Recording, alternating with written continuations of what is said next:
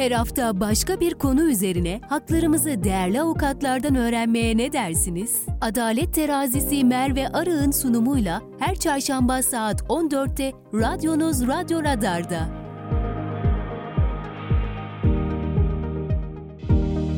Merve Arı'nın hazırlayıp sunduğu Adalet Terazisi başlıyor.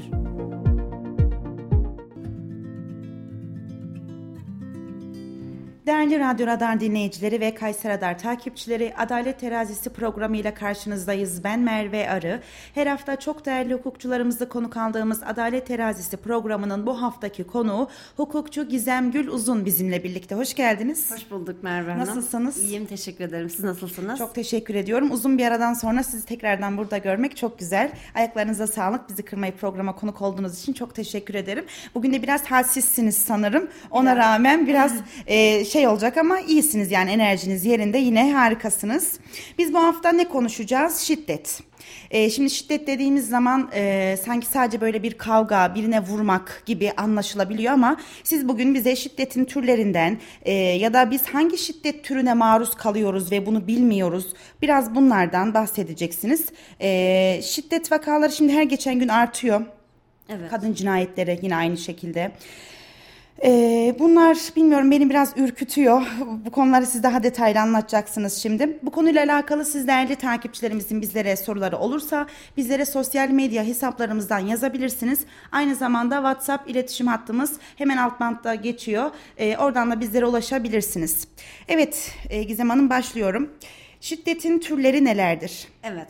Şiddet denilince bazen Türk toplumunda bilahare akla fiziksel şiddet gelmektedir. Ancak bu oldukça yanlış bir durumdur.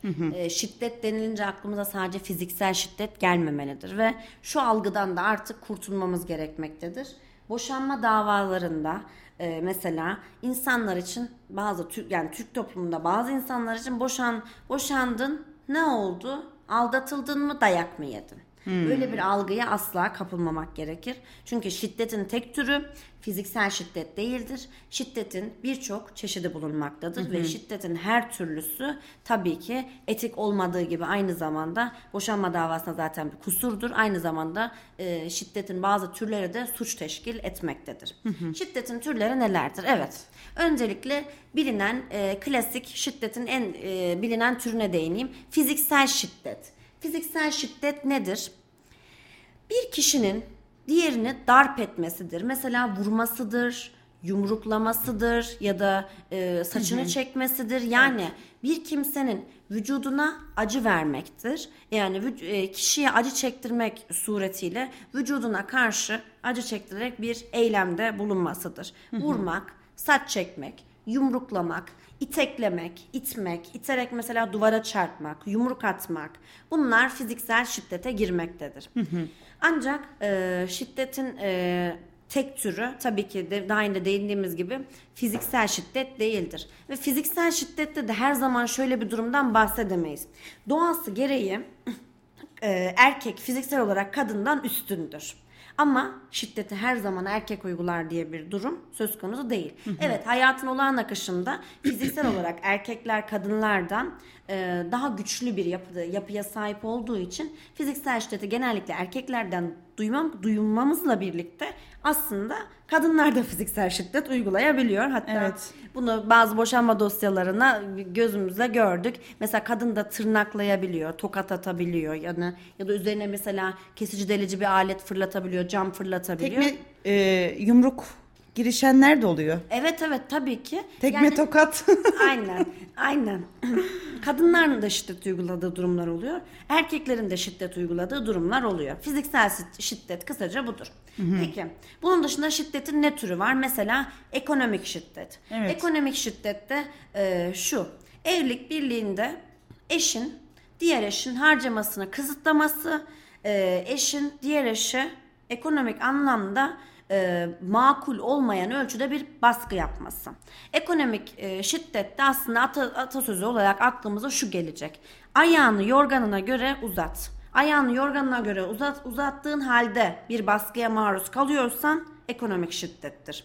Yani ekonomik şiddetin e, e, o şeyi budur. Her somut olaya göre değerlendirmelidir. Değerlendirilir. Mesela kadın çalışıyor ama adam e, kadın çalıştığı halde kadının maaş kartına el koymuş. Tamamen kendi inisiyatifi ölçüsünde harcamalar yapıyor. Bu ekonomik şiddettir mesela. Çünkü kadın mesela burada kendi bir ihtiyacını bile alamıyor. Mesela çalışan bir kadın olarak e, alacağı belki bir gömleği bile eşine sormak durumunda kalıyorsa bu ekonomik şiddettir. Ya da e, her iki eş de çalışıyor. Eşlerden biri tatili normal e, yemek yemek, su içmek gibi e, olağan bir zaruri bir durum görüyor ama diğeri mesela maddi duruma el verdiği halde tatili lüks görüyor ve diğerine hayır tatile gidilmeyecek diye baskı yapıyor. Bu da ekonomik şiddettir. Ya da işten çıkarma. Evet. Çıkmaya zorlama. Evet. Çalışmayacaksın. Evet çalışmayacaksın baskısı. Mesela evlenmeden önce taraflar tanışıyorlar. Birinin diğeri yani çalışacağını biliyor aslında. Ama sonrasında diyor ki yok ben sen çalışmayacaksın ben müsaade etmiyorum. Kadının yeri dört duvar arasıdır çalışamazsın deniliyor ve ne oluyor kadını bir eve hapsediyor.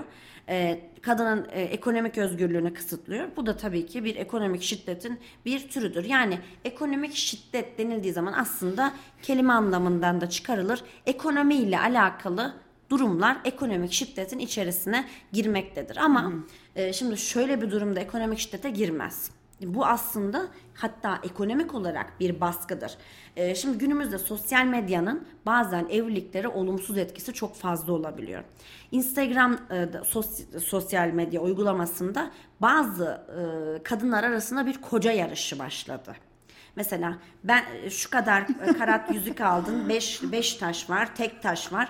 O işte Yunan adalarına götürdü, o Maldivlere götürdü. Sen şu Antalya'ya zor götürdün gibi.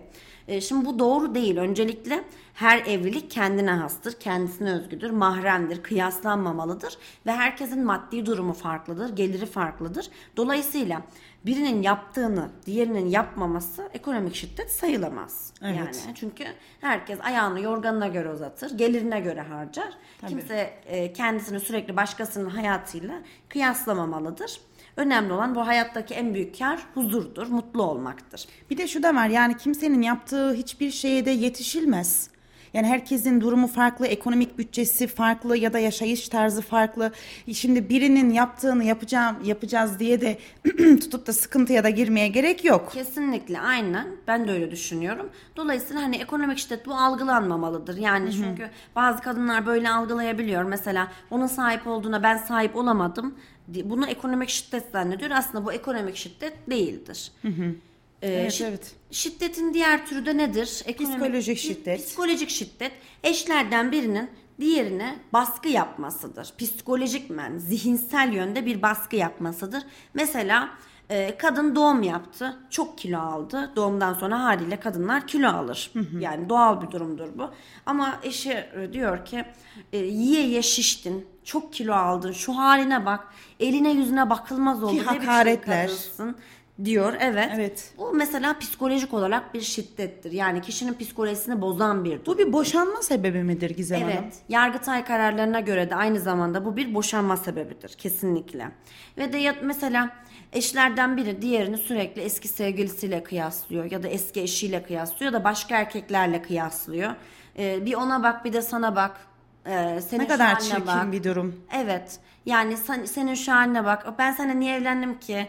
Keşke onunla evlenseydim. Seni sevmiyorum. Yani gibi cümleler. Mesela bunlar psikolojik şiddettir ki tek Direkt başına. psikolojiyi bozan şiddet bu ya. Evet. Direkt bozulur yani. Gerçekten çok kötü bir durum. Evet ağır cümleler ve şöyle ki eşlerden birinin diğerine zaten tek başına seni sevmiyorum. Sana karşı artık bir şey hissetmiyorum. Vasıfsız işte e, çapulcu işe yaramaz gibi kelimeler kullanması da zaten duygusal şiddetin yanında aynı zamanda zaten psikolojik olarak da büyük bir şiddet. Zarar veriyor Evet. kişiye. Evet. Yani kısaca işin özü psikolojik şiddet denilince akla e, duygusal yani ruhen kişinin ruhunu etkileyen acı veren cümleler, eylemler gelmelidir akla. Psikolojik, psikolojisini bozan durumlar gelmelidir. Psikolojik şiddet budur.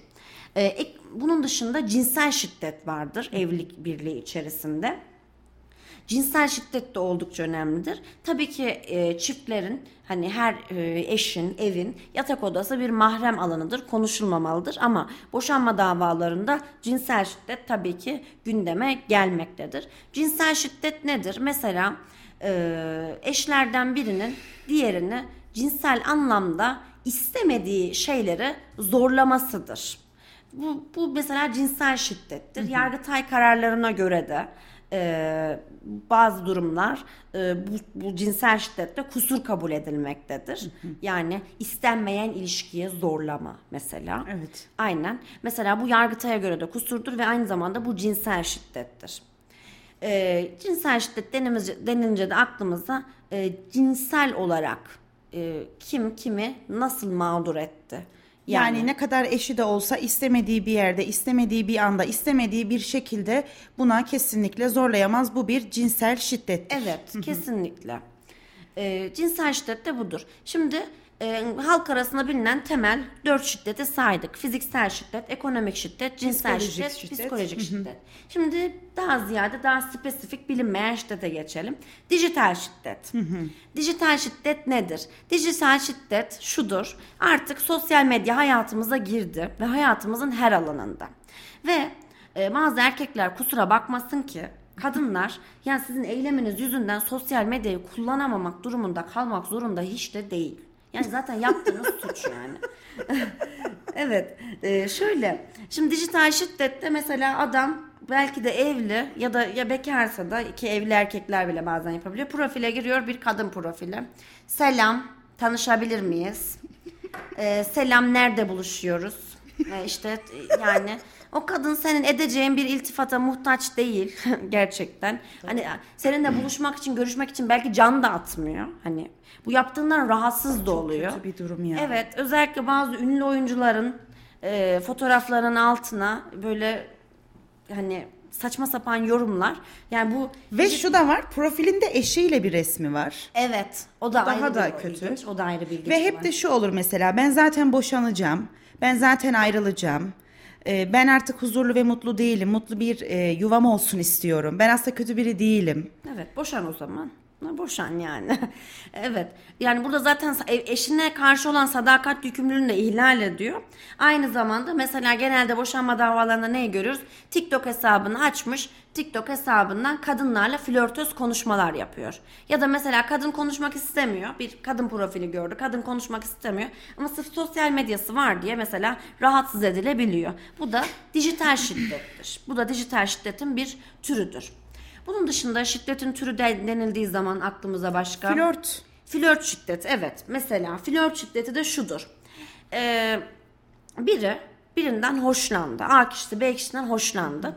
B kişisi e, yani kabul etmedi. Onun, o kişiden elektrik almadı. Teklifini reddetti. Ama buna rağmen A kişisi ısrarlı bir şekilde flört etmek istiyor. Israrlı bir şekilde sevgili olmak istiyor. Flört etmeye adeta karşı tarafı zorluyor. Ve kişi artık rahatsız oluyor. Bu flört şiddetidir. Ama şimdi kişiler bazen e, haklarını yeteri kadar bilmediği için e, hakkını arayamayabilir. Yine aynı zamanda karşı taraftaki kişi de yaptığının suç olduğunu bilmez ama suçtur. Şimdi Yargıtay diyor ki bu konuyla ilgili. Mesela flört etmeye çalıştı, çalıştı, çalıştı ama reddediliyor. En son artık karşı taraf dedi ki beni rahatsız etme.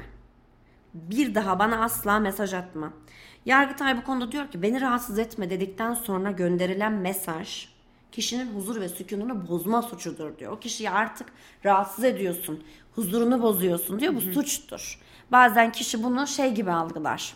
Karşı taraf naz mı yapıyor diye algılar. Ama sen karşı tarafın naz yaptığını düşünürken sen orada kendini Cumhuriyet Başsavcılığında ifade verirken buluyor olabilirsin. Yani burada dikkat etmekte fayda var. Evet. Flört şiddeti de budur yani. Karşı taraf istemediği halde zorla flörte zorlamaktır. Flört etmeye zorlamaktır. Ya geçen e, bir haberlerde gördüm, böyle bir denk geldi. Sevgilisiyle ayrılmışlar, tekrar barışmak istiyor. E, kız reddediyor, kızın evini yakıyor. Evet maalesef. Gördünüz mü haberi bilmiyorum. Evet, aslında bu bir hastalık. Yani niye bu kadar ısrar ediliyor? Evet. Evini yak ki kendini Takıntısı. yakıyordu yanlışlıkla zaten orada da. Tut sen evini yak. Evet. Yani bu kadar ısrar etmeye gerek yok yani. Aynen. Hem oldukça antipatik hem doğru değil hem de suç yani. Ama işte Öyle bir bence bu- sevgi anlayışı da olamaz Bu zaten. sevgi değil, psikolojik bir rahatsızlık bence. Hani bu, bu denli ısrarcı olmak psikolojik bir Ürkütücü rahatsızlık. yani bunun bir sonraki aşaması ne olur? Yani Allah korusun o kız dışarı çıkmaya da korkar yani Aynen saatten öyle. sonra. Evet, maalesef. Bir diğeri ısrarlı takip. Evet, ısrarlı takipte. Şöyle ki ısrarlı takip Türk Ceza Kanunu'nda suç olarak düzenlenmiştir. Israrlı takip suçu ve ısrarlı takip suçunun cezası. Israrlı takip nedir? Mesela e, bir kadın var, çantasını takmış, yolda yürüyor. Ya evine gidiyor ya da belki bir otobüs durağına gidiyor, arkadaşına gidiyor. Arabayı densizin teki kadına yaklaştırdı. Şşt, hey, bak bakalım. Hepsi e, affedersiniz, hepsi senin mi gibi argovari şeyler söylüyor. Mesela bu kişinin yaptığı burada suçtur. Israrlı takip suçudur. Bu şekilde fiziken fiziken bir kişiyi ısrarla takip etmek bir budur. Bir de yine ısrarla takip suçu mesela fiziken bir kişiyi yine aynı şekilde takip ediyor ve ısrarla telefonda arıyor ve artık yaptığı eylemler karşı tarafı bunaltıyor ve taciz boyutuna varıyor. Mesela biz bir dosyamızda öyle bir şey gördük ki hayret ettik. Şöyle bir olaya denk geldik. Israrla takip suçundan yargılama başladı. Şimdi A kişisiyle B kişisi sevgililermiş. Daha sonrasında ilişkinin kadın ilişkini ilişkiyi bitirmeye karar vermiş. Artık bu ilişkinin yani geleceğini görmemiş ve bitirmeye karar vermiş.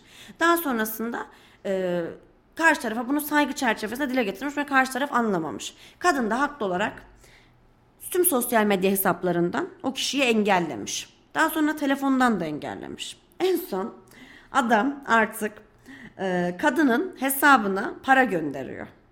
İban'ına para gönderiyor. İban'ı kalmış oraya para gönderiyor. Ama para gönderme maksadı değil amaç. Açıklama kısmına diyor ki lütfen engelimi kaldır seninle görüşmek istiyorum falan.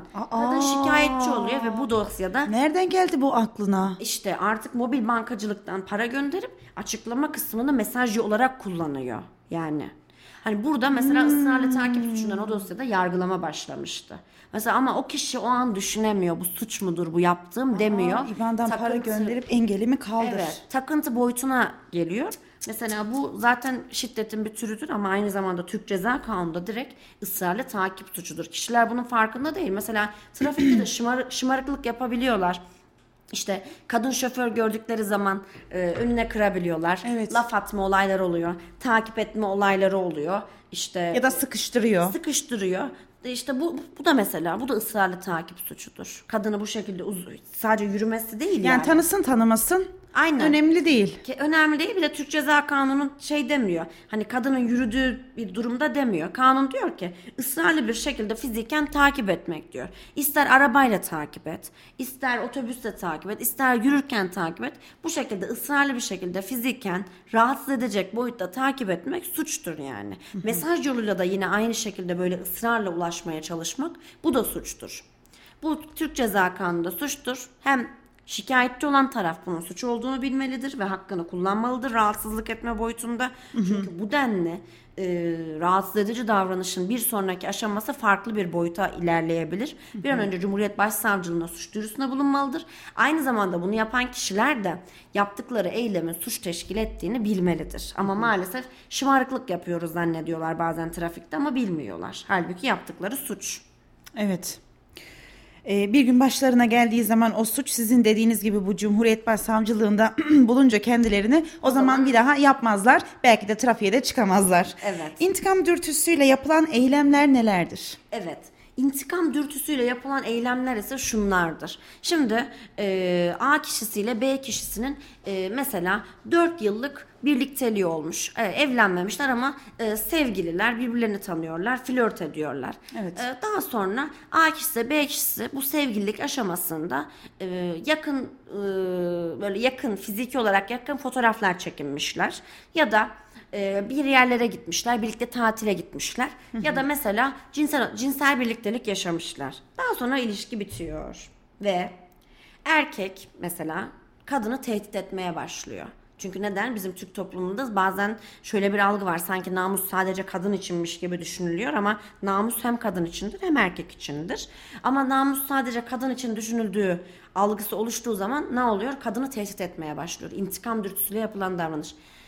Eğer bunu yapmazsan bu fotoğrafını babana gönderirim.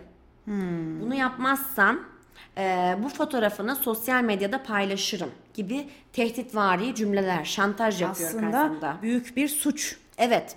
Bu Çok suç. büyük bir suç. Türk Ceza Kanunu'nda mesela bu direkt tehdit suçuna, şantaj suçuna girmektedir. Ama e, yakın zamanda şimdi bu mesela intikam dürtüsüyle yapılan davranışlar yurt dışında Türk Cez- Ceza Kanunu'nda ayrı bir madde olarak düzenlenmiştir. Ama e, Türkiye'ye henüz ayrı bir madde olarak gelmemekle birlikte tehdit suç- suçuna, şantaj suçuna, kiş- kişinin huzur ve sükununu bozma suçuna girmekle birlikte yakın zamanda Türk Ceza Kanunu'na da bununla ilgili ayrı bir madde ilişki bittikten sonra bu şekilde özel hayatla ilgili karşı tarafı tehdit etmekle ilgili bir madde geleceği söyleniyor ve bence gelmelidir de. E, çünkü hani Türk toplumunda bu artık tehditvari bir şekilde kullanılıyor. Yani ilişki devam Çok ederken. çoğaldı. Evet. Yani bu şekilde tehdit ediyor. Bunu yayarım. Bunu herkese yayarım. Bunu babana atarım. Birazdan bunu tüm akrabaların görecek haberin olsun. Yani burada e, mağdur taraf hakkını bilmelidir ve suç duyurusunda bulunmalıdır. Yine bunu yapan kişi de bunun suç teşkil ettiğini bilmelidir. Çünkü eğer mağdur şikayet ederse e, bundan ötürü iddianame düzenlenecek, yaptığı eylemden ötürü ve yargılama başlayacaktır. Ee, bu arada bir takipçimiz peki ya zor durumda kaldıysak o zaman ne olacak demiş. Ee, ben anlayamadım hani hangi sorumuz için bunu söylediğini. Ee, tekrar bir yazarsan eğer hukukçumuz cevaplandıracaktır diyorum. Devam ediyorum. Ee, Gizem Hanım şiddet döngüsünün evreleri var. Evet. Nelerdir bu evreler? Şiddet döngüsünün evreleri şudur. Ee, ilk başta kişi mesela bir e, öfke nöbeti geçirebilir. Gerilim. Evet gerilim evresi bir gerilim yaşayabilir. Gerilim anından sonra o gerilimi önce gerilim bir yüklenir sonra o gerilimi patlatır. Şiddet oluyor. Aynen patlatır. Daha sonra pat, e, o gerilimi patlattıktan sonra da genellikle e, pişmanlık duygusu gelişebilir. Bir yumuşama. Evet yumuşama olabilir. Ee, şimdi burada e, ruhu ruhi sükunet diye bir kavram var. Şimdi kişi büyük bir gerilim yaşıyor artık kendinden korkar hale geldi. Hani e, bir şey yapacağından korkar hale geldi. Burada zaten alanında uzman psikologların ve psikiyatristlerin tavsiyesi de şudur. Kişiyi ruhu sükunete eriştiren iki şey bulunmaktadır. Birincisi uykudur, ikincisi sudur. Çünkü herkes aslında şöyleymiş. Herkesin suç işleme potansiyeli var. Evet. Ama bu, bunu tabii o aşamaya getirmek farklıymış. Burada tavsiye ediliyor ki çok mu sinirlendin? Çok büyük bir gerilim mi yaşıyorsun? Ya bir an önce uyu ama o öfkeyle uyumak zor. O sırada bir duş al, yüzüne su çarp deniliyor. Yani su ve uyku sadece ruhu sükuneti dindiren şeydir. Eğer o an dindiremezse o gerilim mutlaka patlar. Muhakkak. Ya bizim toplumumuzda e, bu şiddet döngüsü gerilim, şiddet şiddette kalıyor. Evet. evet. Bayağı bir gidiyor yani. Hani o şiddetten sonra bir barışma ya da sakinlik ben pek göremiyorum bizim toplumumuzda. Evet, evet, maalesef. yani toplum olarak biraz gerginiz. Evet. Özellikle bu aralar gerçekten Bu aralar, evet. herkeste bir gerginlik Yani var. ekonominin verdiği sıkıntılar, psikolojik olarak yani her açıdan insanlar bir e, gerilim anı, şiddet anı, o şiddet anından sonrası yok zaten. Evet, evet. Sonu Maalesef. zaten hep mahkemeler dosya dolu. Ee, devam ediyorum. Ha bu arada yine bir takipçimizden bir soru var. Ee, insanlar suç duyurusunda bulunmaya korkar oldu. Bu devirde haklı olsan da bir e, bedel oluyor demiş ama ben tam anlayamadım şu anda. Yani suç duyurusunda bulunmak için ne yapmamız gerekiyor diye Suç soralım. duyurusunda bulunurken şimdi şöyle e, gidiyor mesela gidiyor vatandaş karakola böyle böyle böyle oldu. Şimdi burada o karakoldan daha sonra o ifade savcılığa gidiyor. Şimdi sizin burada yapmanız gereken şey olayı delillendirmeniz. Delil delillerinizi götürün. İfade ve gidip birinden şikayetçi olacaksanız e, ş- delillerinizi de yanınızda götürün. Ya bir CD'ye çekin ya flash diske çekin. Yani e, ya da çıktısını alın. Hani yazıcıdan çıktısını alın. Delilleri muhakkak suç duyurusunda bulunurken götürün ve savcılığa suç duyurusunda bulunurken aynı zamanda vatandaş kendisi suç duyurusunda bulunacaksa kimlik fotokopisi de gerekmektedir ve gidip savcılıkta konuşulacağını zannediyor öyle olmaz. Savcılığa bir dilekçe sunmak gerekir. Karakolda konuşabilir, ifadeye geçirebilir ama savcılar bir dilekçeyle suç duyurusunda bulunulabilir ve dile, deliller de ekinde sunulmalıdır. Ee, bir diğer takipçimiz hani daha yeni demiştim ben tekrardan yazın diye peki ya zor durumda kaldıysak diye Evet. okumuştum. Ee, bir şekilde tehdit veya dışarıda takip ediyorsa ne yapmamız gerekiyor diyor. Evet.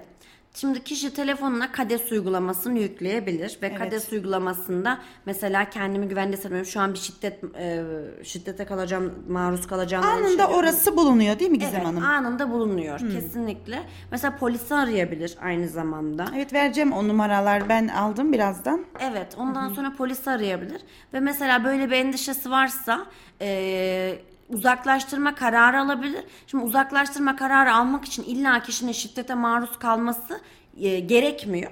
Şiddet tehlikesi altında olması dahi yeterlidir. Gidip uzaklaştırma kararı da alabilir. Ve aynı zamanda mesela kadın sığınma evleri bulunmakta. Ee, kişi mesela canından endişe ediyorsa kadın sığınma evine yerleşebilir. Çünkü kadın sığınma evine giden kadının hani nerede olduğu e, kendisini tehlike altında hissettirdiği kişi hiçbir şekilde söylememek, söylenmemektedir. Evet. Gizem Hanım bir de şu da var. Ee, şunu sormak istiyorum. Şimdi bir kişi kendini şiddet altında hissediyorsa suç duyurusunda bulunabilir. İlla şiddet görmesine gerek yok dediniz ya daha demin. Şiddete meyilli bir insana biz nasıl anlayabiliriz? Yani nasıl anlaşılır bu? Evet. Şiddete meyilli bir insan e, şöyle e, yani mesela insan normal hayatında çok sakin durabilir.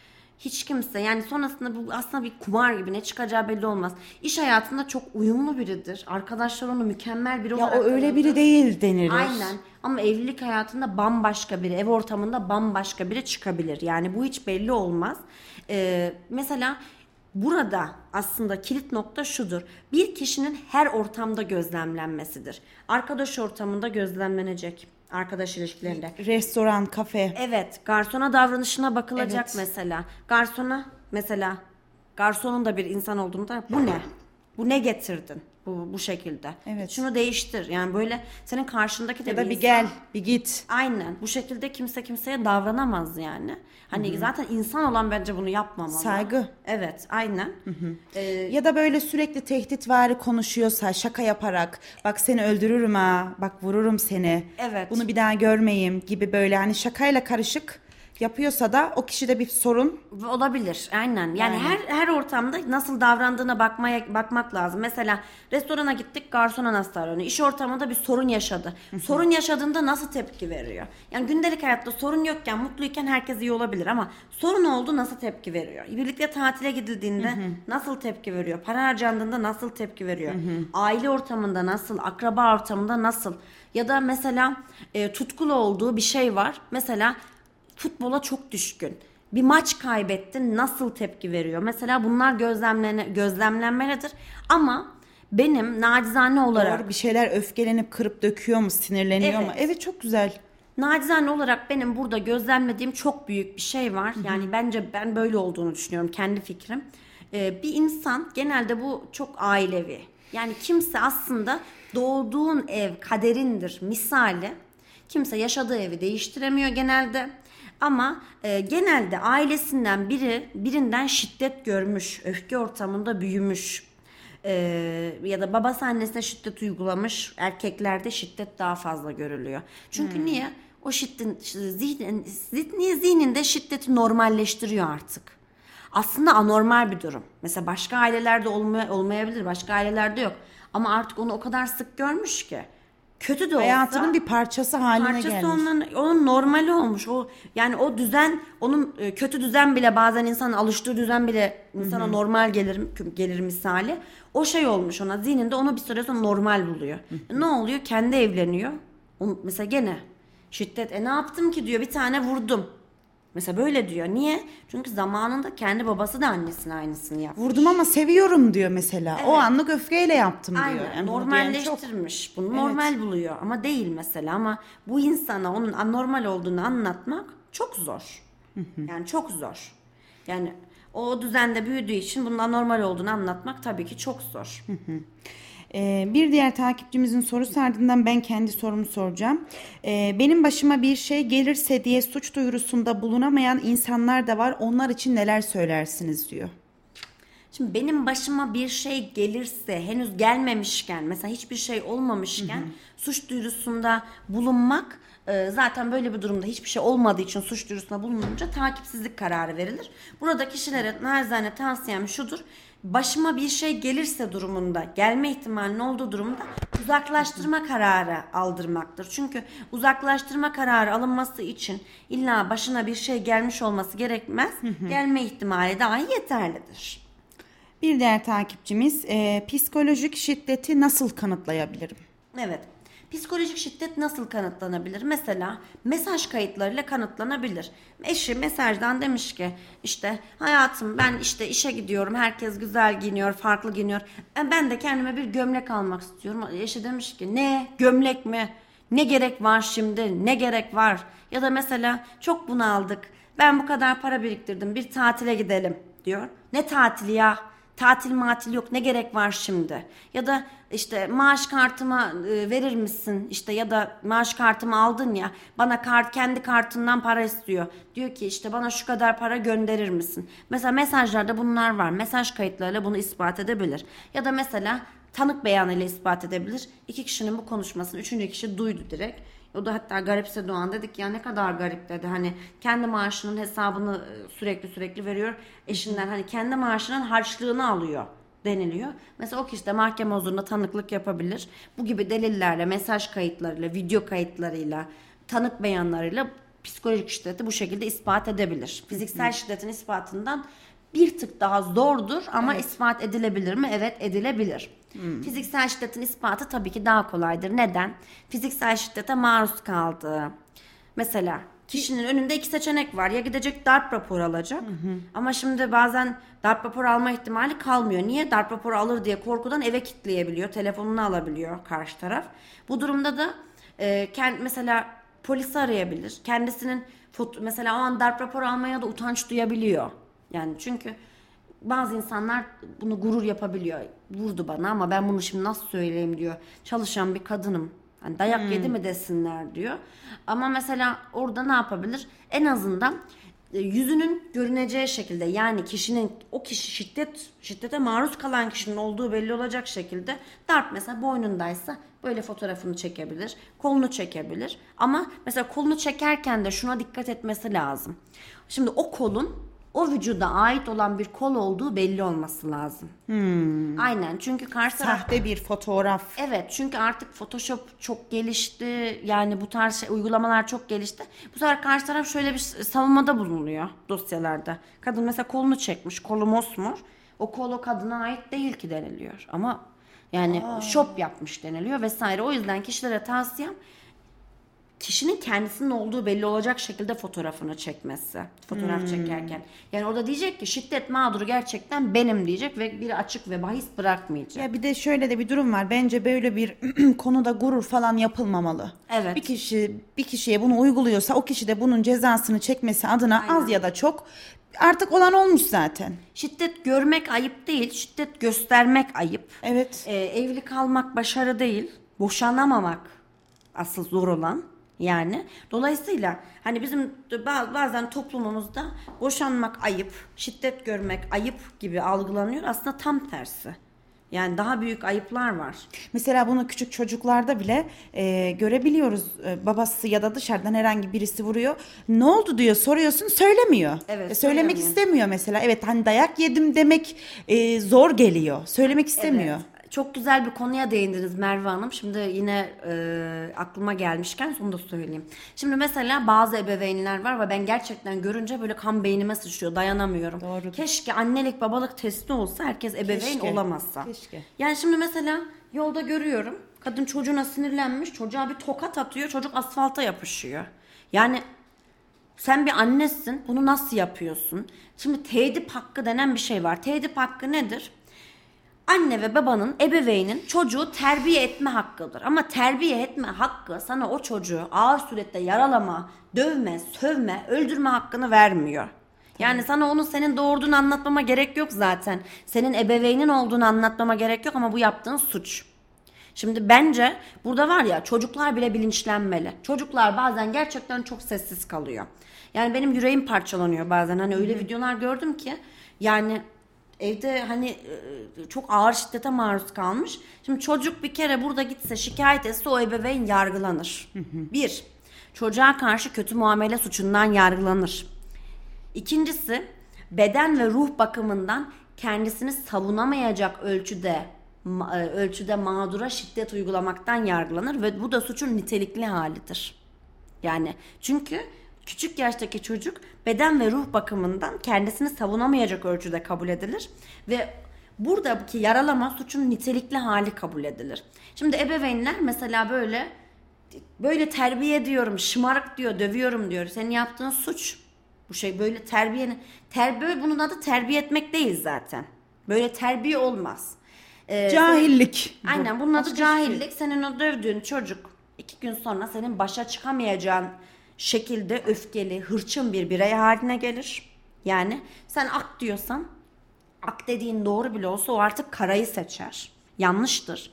Ee, ve zaten dediğim gibi çocuk mesela gider şikayet eder. Edebilir. Ki zaten böyle dediğiniz gibi hırçın, e, özür dilerim lafınızı böldüm. Hırçın olmuş bir bireyin de geçmişinde e, hep bunlar yatar. Hep söyler. Annemden çok dayak yedim, babamdan Evet. çok dayak yedim ve özellikle hiç sevgi görmedim diye. Evet yani gerçekten hani bazen e, bazı bir de kişiler şu da kendi var. çocuğu değil gibi kemerle kemerle çocuk dövmeye Tepki kalkıyor. gösteriyorsun. Benim çocuğum ister severim ister döverim sana ne diyor. Evet. Bir de bu da var. Evet aynen. Çok Yani acı. senin mesela için parçalanıyor. Yani hiçbir kan bağın yok, can çocuğu. bağın yok. Ama böyle için gidiyor. Çocuk orada feryat ediyor, ağlıyor. E, gücü yetmiyor sana. Döveceğini hepimiz biliyoruz. Evet. Gücü yeten gücü yetene. Evet. Bir de insan evladına bunu nasıl yapabiliyor yani? Evet o da o da E, çok biri de tepki veriyor. Niye öyle yapıyorsun diyor. Sana ne benim çocuğum döverim severim diyor. Yani öyle bir şey yok. Anne baba da olsan kanun ne diyor? Tedip hakkı kapsamında diyor. Yani tedip hakkını aşmayacaksın diyor. Anne babanın bile burada kanun anne babaya bile haklı olarak çok güzel bir şekilde dur diyor. Dur. Mesela yavrum bak bunu kırma. Yavrum bunu bunu buraya atma bak bunu dökme. Bunu demek var. Ya da bunu buradan kırdın mı al o zaman. Ben bunu ben de bunu seni böyle kafanda kırıyorum. Kafasına camı parçalama. Böyle bir hakkın yok ama. Yani. Ya da hakaret etmek. Evet aynen. Yani- Beceriksizsin, şusun, busun. Evet. Bunlar bunlar tedip hakkı kapsamına hiçbir şekilde girmemekte. Ya anne babalar da iyi alışmış. Bir şey olduğu zaman bir tane çarpıyor hemen. O çocuk bas bas bağırıyor yani. Çok yanlış. Ee, şu konuya geçelim istiyorum. Ee, kadın cinayetleri de arttı Gizem Hanım. Yani her geçen gün artık azalacağı yere artıyor. Sürekli duyuyoruz artık ne zaman biter, ne zaman e, bir sonu gelir onu da hiç bilmiyoruz. Bu kadın cinayetleri nasıl değerlendiriyorsunuz? Evet kadın cinayetleri artıyor maalesef gerçekten de çok üzücü ve artık e, bir de şey tasarlanarak öldürme boyutu ve çok cani bir şekilde öldürme boyutu da çok fazla olmaya başladı. Tabii ki detaylarını burada hani konuşmak doğru değil. E, kadın cinayetlerinin artması olarak bence şöyle e, daha fazla tepki göstermeliyiz. Yani e, şimdi e, bir, bir daha fazla tepkimizi artırmalıyız. Bir mahkemelerin e, bu konuda daha fazla eylemde bulunması lazım ve bunun dışında da şöyle zihniyet zihniyet olarak da biraz daha halkı bilinçlendirmeliyiz. Mesela e, şu ya şöyle bir şey saçma sapan yorumlar gördüm sosyal medyada da ya. Yani iğrenç gerçekten midem bulandı. ne o da mini etek giymeseydi.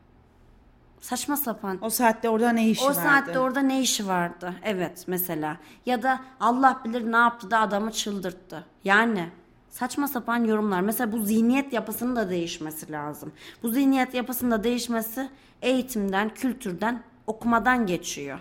Yani e, çünkü mesela tabii ki kimseyi küçümsemek için asla söylemiyorum. Ama mesela hep haberlerde dikkat edelim bu failler yakalanıyor.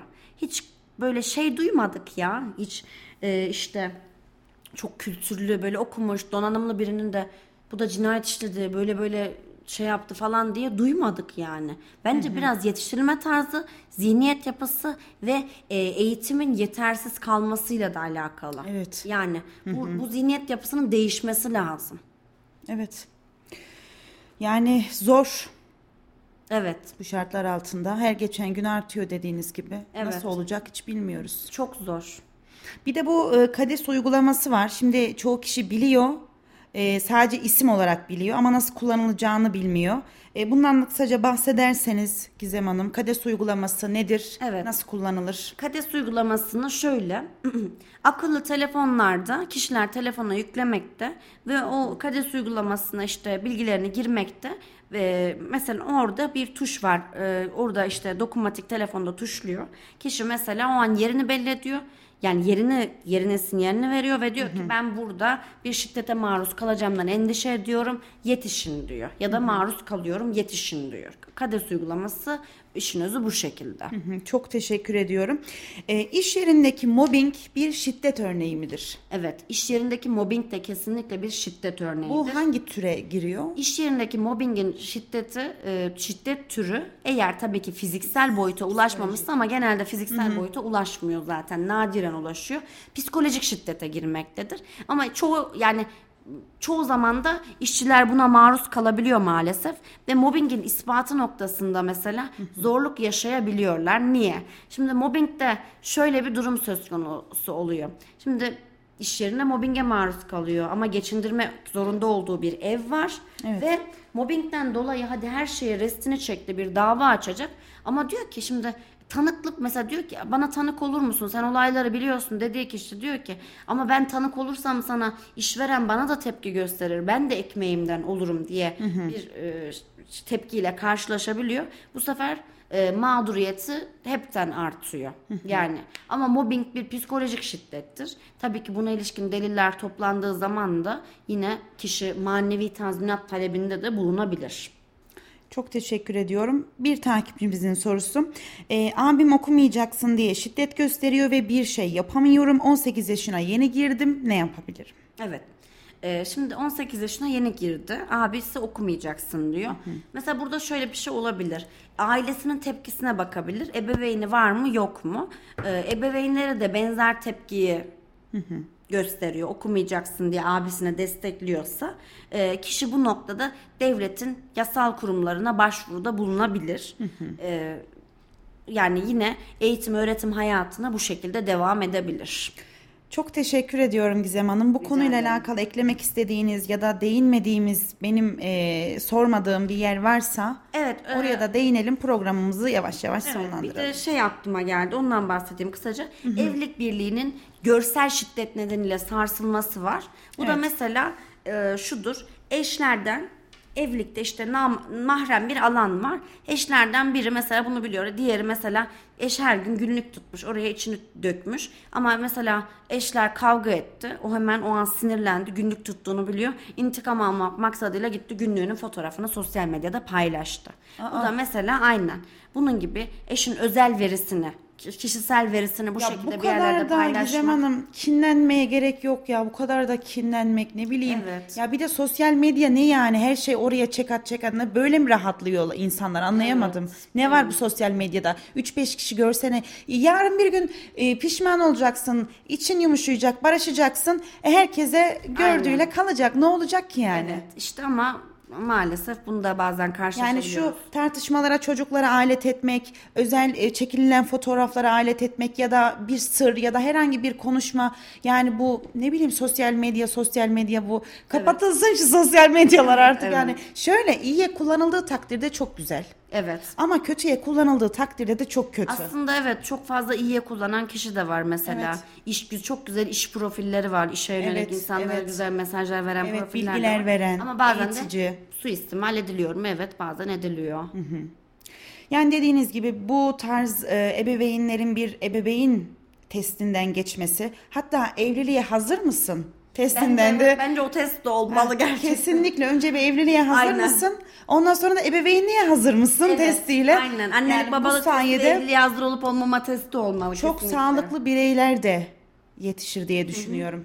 Yani çünkü mesela erken evliliklerde de bu çok oluyor. Erken evlilik oluyor. İleriki yaşlarda boşanma davası oluyor. Yine bir ton sıkıntı Evet oluyor. ya da Yani mesela bu da var. kişi çocuğunun psikolojisinin iyi olmadığını biliyor. Evlensin de düzelir diyor. Ya senin evlendirdiğin adam ya da kadın terapist mi? Şey mi? Psikiyatr mı? Ne- Evlenince nedir düzelir. Evet, öyle bir Evlenince şey yok. düzelir. Böyle bir algı yok. Cahilliğin daniskası yani gerçekten. Ama evlenince düzelir. Biz düzeltemedik sen düzelt. Böyle değişik değişik şeyler. Onu düzelse düzelse sen düzeltirsin Aynen. falan. Böyle algılar hala da var. Umarım bir gün biter. Umarım. O yüzden bir şey diyemiyorum. Her şeyin hayırlısı olsun. Çok teşekkür ediyorum Ben Gizem Hanım. Gene çok ederim. güzel bir yayın yaptık. Programı sonlandırıyorum o zaman. Evet. Kapanışa geçelim. Değerli Radyo Radar dinleyicileri ve Kayser Radar takipçileri Adalet Terazisi programının bu hafta sonuna geldik. Hukukçu Gizem Gül Uzun bizimle birlikteydi. Kendisine de çok teşekkür ediyoruz. Şiddet konusunu işledik. Haftaya başka bir konu ve başka bir hukukçuyla yeniden karşınızda olacağız. İyi haftalar diliyorum. Hoşçakalın. Merve Arı'nın hazırlayıp sunduğu Adalet Terazisi sona erdi.